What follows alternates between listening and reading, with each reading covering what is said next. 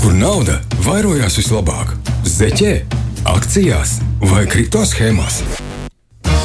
Jauni un bagāti ar Walteru Vestmani.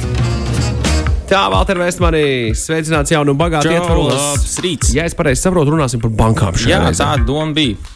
Pieķerties tam, kas notiek, kas notiek tagad ar bankām pasaulē. Ziņās iespējams ir dzirdēts, kad ir uh, banku krīze. Um, mm. un, un, un, un tad, zinām, daudziem varbūt interesē, kas tur notiek. Zini, ko tagad var darīt? Vai man Spēlēt- vajag uztraukties par savu banku? Spēlēt banku bingo. Banku bingo. Kur tev ir sazīmē daudz, visas. daudz bankas, vai ne? Es tos jau Twitterī patiesībā redzēju, uh, kur, nu, tad, kad valdība izpērk, vai ne, vai kāda aiziet pa burbuli, viņi izsvītro, un tad var likt likmi, kur būs nākamā. Nu, tad, tad, jā, Deutsche. Bank kaut ko tur cilvēki tur bija salikuši. Nu, bingo. jā, nu, joks pie malas. Tā diezgan nopietna lieta Nu, patiesībā. tam tad arī nedaudz uh, mēģināšu pieskarties, pastāstīšu, nu, kāpēc vispār bankas var bankrotēt, vai kāpēc viņas var nonākt kaut kādās grūtībās, um, vai mums par savām bankām jāsāk pēkšņi uztraukties, ir jāskrien naudu ņemt ārā. Um, es domāju, nu, tā ļoti īsi pieskarties, uh, kas notika ar Silicon Valley Bank, kas notika ar Silvergate, kas notika ar Signature Bank un Credit Suisse. Um, Zinām, visiem detaļās mēs noteikti nespēsim iziet cauri, bet nu, tā idejiski tādu lielo bildi paspēsim apskatīties.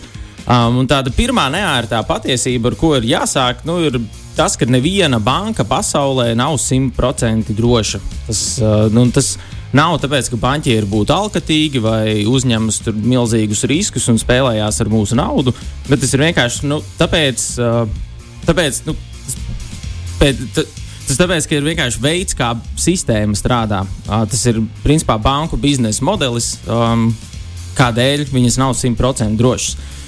Un principā ir divi veidi, kā banka var uh, zaudēt naudu vai kā banka var bankrotēt. Viens ir, uh, ja banka uzņemas tiešām pārāk lielus riskus, viņas pārvērtē riskus, viņas līdz galam nesaprot riskus vai arī nu, apzināti viņus ignorē. Tad viņām ir kaut kādi stulbi ieguldījumi, kuros nu, diezgan viegli var pazaudēt naudu Nu, piemēram, kā tas bija 2008. gada krīzē, piemēram, kad cilvēki, nu, ka bankas pārlieku viegli izdalīja kredītus cilvēkiem, neizvērtēja līdz galam, vai cilvēks spēj sadot, un te viņas jau paņēma tos riskantos kredītus, sapakoja uh, kopā paciņās un matemātiski izrēķināja. Teiksim, ja tu saliec desmit riskantus ris, uh, ieguldījumus kopā, desmit riskantus šos kredītus kopā, tad īstenībā viņam vidējais risks ir zemāks nekā katram individuāli, un tad viņš tur tā matemātiski spēlējās. Um, tur saucās, viņi saucās tāda collateral debt obligations, ja nemaldos, kāds var pagūglēt, paskatīties.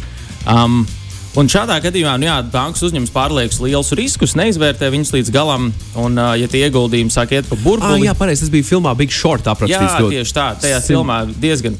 Viņi super vienkārši tajā filmā to izskaidro. Nu, jā, jā, jā. Pēc nu, piektās reizes skatoties, man arī sāk likties, ka ir super vienkārši. Nu, Pirmā reize Es- bolīju acis un domāju, wow, ok, Margo Robija, burbuļu vannā, šampaniešu glāzi, man tā. stāsta kaut ko Jā. par ekonomiku. Es tikai skatos uz Margo Robiju un neklausos, ko viņa runā. Tieši tā to filmu var noskatīties. un Tā filma ļoti labi izskaidro, ko nozīmē, ja bankas uzņems pārlieku lielus riskus. Un šādā gadījumā, nu, kas tur ir vainīgs? Vainīgs ir no vienas puses bankas vadība, jo viņi vienkārši vai nu bija pārāk alkatīgi, vai, vai nesaprata, ko viņi dara. Un otrs ir tieši tā regulators, tirgus uzraugs. Viņam vajadzēja vairāk skatīties līdzi, neļaut tik brīvi darboties. Un tie, kas tos reitingus arī dod, vai ne? Arī tie, kas reitingus dod, jā, viņi, nu, tur ir jautājums, vai nu viņi paši nesaprata, kā tie, kā tie reitingi strādā, vai, kā Vai tie, arī? ri- cik, cik, cik tie riski ir lieli, Nu, vai arī varbūt kuku liedod un viņi Bija piemiedz acis. Tas Nu, nu, jā. var gadīties. Ap to 8. gada krīzi tajā filmā tur bija tā, ka nevarēja īsti līdz galam saprast. Nu, tur arī tieši tā arī atstāts. Tu ej Nu, un izdomā tagad Ej pats. un izdomā. Jo, nu, jo, nav, jo oficiāli jau jā. Nu, jā, nav pateikts. Nu, lūk, tas ir pirmais ris, veids, kā banka var zaudēt naudu vai bankrotēt. Un otrais ir, ja ir tā saucamais bank run. Bank run nozīmē, ka visi klienti tagad skrien uz banku un visi reizē grib izņemt naudu. Um, un šis nu, īsti nav līdz galam bankas vaina, varbūt tās, jo nu, tā ir kaut kāda apstākļu sakritība. Un uh, es pastāstīšu, kāpēc tā ir problēma, ka visi grib reizē izņemt naudu. Jo šeit jau mēs uh, uzreiz pieskaramies pie, nu, tam, kā bankas vispār strādā. Teiksim, daudz cilvēki aiziet uz banku, nu, pieliec bankā naudu. Um, teorētiski tu viņu vari dabūt ārā, kad vien vēlies. Un uh, tu pretī dabū visādus pakalpojumus, tev ir kartes, norēķinu konti. varbūt krājkons un termiņa depozīts, par ko tu kaut kādus procentiņus maziņus var dabūt. Un, uh, jā, un teorētiski tu to naudu vari izņemt ārā, kad vien vēlies. Uh, faktiski, ko banka dara? Viņa paņem šo naudu, ko cilvēki ir ieguldījuši bankā, un viņi tālāk viņi iegulda kaut kur citur. Tā teikt, realizē kaut kādiem biznesa nolūkiem. Um, tie var būt kaut kādi ieguldījumi finanšu tirgos, Tie var būt uh, vienkārši tas var būt bankas biznesa, ka banka izsniedz hipotekāros kredītus, izsniedz līzingus un uh, tam līdzīgi. Un tā bankai nu, tas ir tāds ilgtermiņa bizness, kad rekur uh, izsniedz visus tos kredītus, kaut kur iegulda un pelna kaut kādus procentiņus no tā visa. Un uh, lielākoties nu, mēs jau gribam, lai tas notiek, jo tas palīdz ekonomikai. Es dabūju hipotekāro kredītu, dabūju autolīzingu, lotu dabūju kredītkarti vai nezinu. un, un tad viss tas uh, kustās un iet uz priekšu. Um, tas sanāk faktiski ir tā, ka bankai uz rokas nekad nav tik daudz naudas, cik cilvēki viņā ir saguldījuši iekšā. Teiksim, bankai tur ir uh, pārdesmit tūkstoši klienti, kuri visi kopā ir ielikuši teiksim, vienu miljardu eiro. Un banka, pieņem, es saku, ka šie nav precīzi proporcionāli procenti, kāds strādā, bet pieņemsim no tā viena miljarda, 200 miljoni bankai stāv kašā uz vietas, un 800 miljonus viņi ir kaut kur saguldījuši. Vai tie ir tie finanšu instrumenti, vai viņi ir izdalījuši hipotekāros kredītus un tam līdzīgi. Un uh, tad ir tā, ka ja visi cilvēki reizē nāktu un teiktu, hei, es gribu to savu naudu atpakaļ, tad bankai būtu nu, kaut kur jādabū nauda, viņai būtu jātirgo nost tie finanšu instrumenti. Viņi, viņi nevarētu aiziet pie manis un teikt, hei, Valter, mums tagad cilvēki grib naudu ņemt ārā, nu, fiks jādod savu hipotekāro kredītu šodien. Tev nav vairs 20 gadu atmaksāt, tad tagad. Um, nu, tāds īsti nestrādā, un bankai nu, jāmē, jāmēģina saprast, kur to naudu dabūt. Un, uh, tas ir tā saucamais bankruns, ja visi to naudu grib izņemt, tad bankai ir problēmas. Ja vienkārši viņai viņas nav. Un uh, šeit ir uh, divi tādi mehānismi, kas klientus pasargā šādos gadījumos. Nu, viens ir bankām ir noteikti uh, gudri runājot, tas saucās likviditātes rādītāji, kas nozīmē, nu, kas teica, ir tie 200 miljoni no viena miljarda, kas jāpatur. Um, tad ir, teiksim, tirgus uzraugs noteicis, cik daudz tev to naudu vajag turēt. Un, uh, tur jau var aiziet diezgan ātri, diezgan uh, sarežģīti. Tur viņi rēķina bankas naudas plūsmu, tur nākamo 30 dienu laikā, cik tur vajadzētu precīzi būt. Nu, teiksim, šeit vajadzētu kādu banķieru pasaukt, kurš to izstāsta, jo es to nezinu. Tur es mēģināju atrast, nebija vieglas atbildes. Um, tad viens ir tas, ka ir tie noteikti likviditātes rādītāji, cik bankai jābūt, cik vajag turēt naudu šādiem gadījumiem. Un otrs ir uh, tā saucamais ie, uh, noguldījumu garantiju fonds. Tas nozīmē, ka uh, tā summa, kur tev gadījumā, ja kaut kas aiziet pa burbuli, tev pienākas neskatoties ne uz ko. Jā, un to nodrošina principā valsts līmenī jau uh, Eiropas Savienībā tie ir 100 tūkstoši. Tas nozīmē, vienalga, vai bankai ir, uh, vai viņi ir uzņēmusies pārāk liels riskus, vai ir bankruns. Um, ja tev ir līdz 100 tūkstošiem eiro bankas kontā, tad uh, tu nu, 100% viņi dabūs atpakaļ. Uh, Jo tas, jo tas ir tas, kā tas ir noteikts, kā viens no tādiem aizsardzības mehānismiem. Tas nozīmē, ja es loterijā vinēju 10 miljonus eiro, Tad man tad ir jāatrod 100 bankas, 100 bankas pa, visu Eiropu, kurās jāsaliek pa 100 tūkstošiem. Nu, tas ir, ja tu viņu tur bankā, otrs variants, viņu var kaut kur ieguldīt. Zeķi. Un, uh, tad arī, jā, ja tu viņu kaut kur ieguldi, tad, uh, tad tas arī tādā ziņā strādā. Zeķu kompānijā es ieguldītu visdrīzāk. zeķis, jā, zeķi. Nu, lūk, un uh, principā ka, ka, nu, šis ir tas, kā banka strādā, un tagad ap šo visu jēzgu. Ir interesanti, es bieži vien redzu cilvēkus, kas, kas, kas, kas taisa klikbaitīgus video, un tagad stāsta, tā it kā ir atmaskojuši bankas. Oh. Bankām īstenībā nestāv tik daudz naudas, cik depozīti, un tas ir tāds noslēpums, kas no visiem slēpts, bet nu, tā īsti nav. Tas ir, nu, tas ir tas, kā bankas strādā. Tas tāpatās kā teikt, ka centrālā banka printē naudu un tā ir konspirācija. Nu, nē, tas ir kā that's their job. Un šis ir nu, principā modelis, kā strādā vispār bankas, kopš pirmā banka bija uh, izveidota. Protams, detaļas, bet nu, tā ir tā lielā bilde. Un tas, domāju, pēc īsa brīža mēs varam apskatīties, kas notiek šobrīd ar bankām un uh, kas notiek ar to domino efektu. Kas, o, jā, kas bija, Pirms mēs turpinām tālāk, ātri uh, viens jautājums, Valter, tev. Kā tieši Eribor mazina inflāciju? Tad jau mums vajag veselu tēmu šim.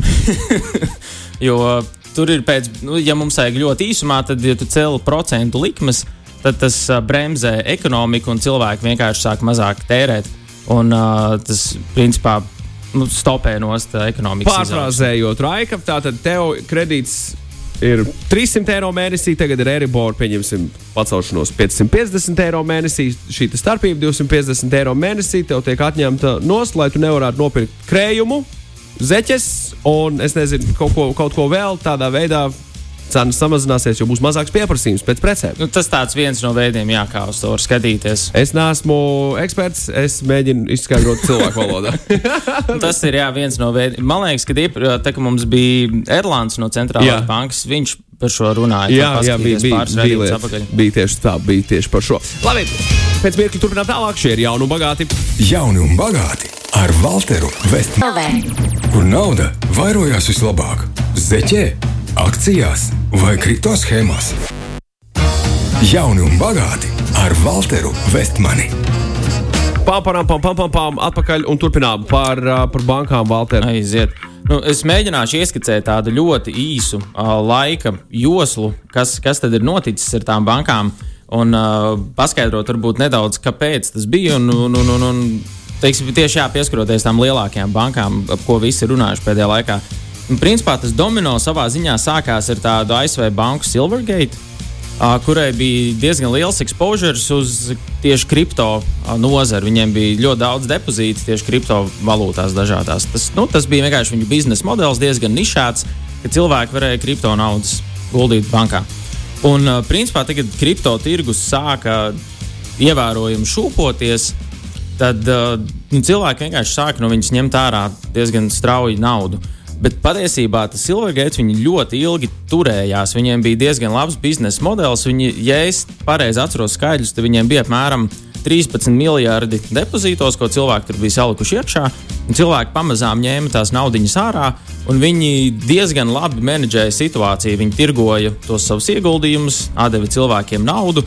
Un tas gāja ļoti ilgi, līdz viņiem tā bilances vērtība nokrita līdz kaut kādiem 3 miljardiem apmēram. Un, uh, zinām, nu visam ir robežas. Viņi turējās, turējās, turējās, un beigās bija tāds, ok, can't do this anymore. Un uh, banka aizgāja pa burbuli. Un tad bija tāds, nu, teiksim, nāka, nākošais rindā nāca Silicon Valley Bank, tur es teiktu, ka vienkārši bija šausmīgi slikts timings. Jo Silicon Valley Bank atkal, līdzīgi kā Silvergateam, viņiem arī bija ļoti nišēts bizness. Viņi principā apkalpoja uh, uh, venture capital uzņēmumus, un viņi apkalpoja tech startupus.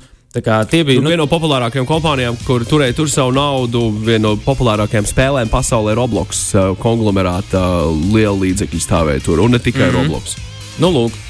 Un, principā, ko tas nozīmē? Tur stāv tie venture capital un tech startup naudas. Nu, teiksim, ja tu esi tech startups, tu esi no investoriem dabūjis ļoti daudz naudas, un vienkārši tā nauda pazudīs, tev uzņēmums aiziet pieskari. Tāpēc viņi ir nu, tādi ļoti uzmanīgi ap to visu, kur viņi to naudu liek. Un, uh, tad senāk iznāca vienā brīdī ziņas, ka atkal cilvēki bija sākuši ņemt no Silicon Valley Bank naudu ārā, un Silicon Valley Bank paši paziņoja, nu, ka viņiem vajag dabūt apmēram 2 miljardus no investoriem likviditātes vajadzībām.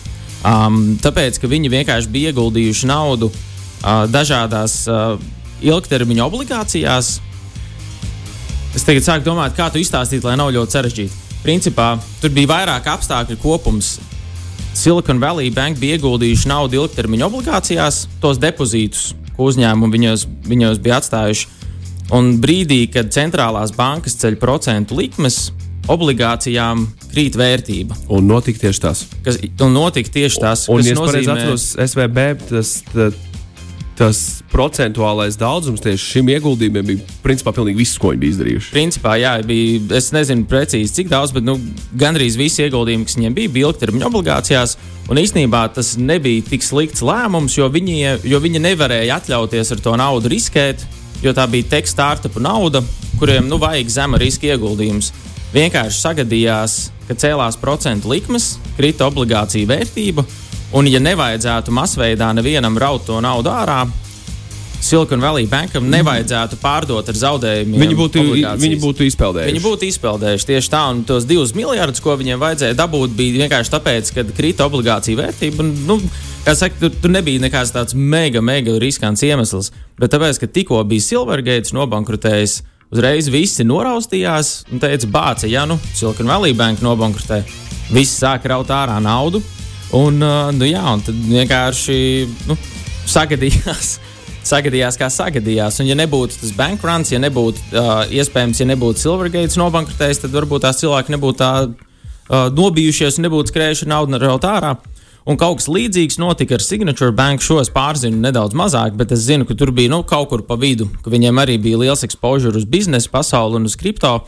Um, tāpēc nu, atkal cilvēki ņēma ārā naudu, parādīja, uznāca tas bankruns un atkal banka aizgāja pa pieskaru. Par Credit Suisse tev ir kas stāstāms, tas tomēr ir Eiropā. Jā, par Credit Suisse. Nu, teiksim, es teiktu, vienkārši tā ir apstākļu sakritība, cik es meklēju informāciju. Es godīgi sakot, man liekas, ka viņi ir diezgan nepaķeksi visam pa vidu, jo tur nav īsti nekāda tāda līdzīga kopsaucēja. Ar Credit Suisse ir tā, ja skaties uz viņa akciju cenu. Viņa gāja uz leju, uz leju jau kaut kādus gadus desmit, jo tur vienkārši bija visādas korporatīvās pārvaldības problēmas. Un, uh, mans minējums ir vienkārši, ka tas sagadījās, kad ASV notika šis, vai Eiropā UBS izdomāja nopirkt Credit Suisse.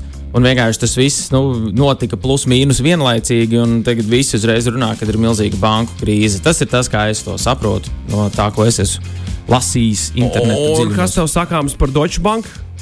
Par Deutsche Bank es gudīgi Viņiem... sakot, neesmu lasījis, tagad, kas ar viņiem notiek. CNBC pirms piecām stundām uh, saka, ka Deutsche Bank nav tas pats, kas Credit Suisse gadījums.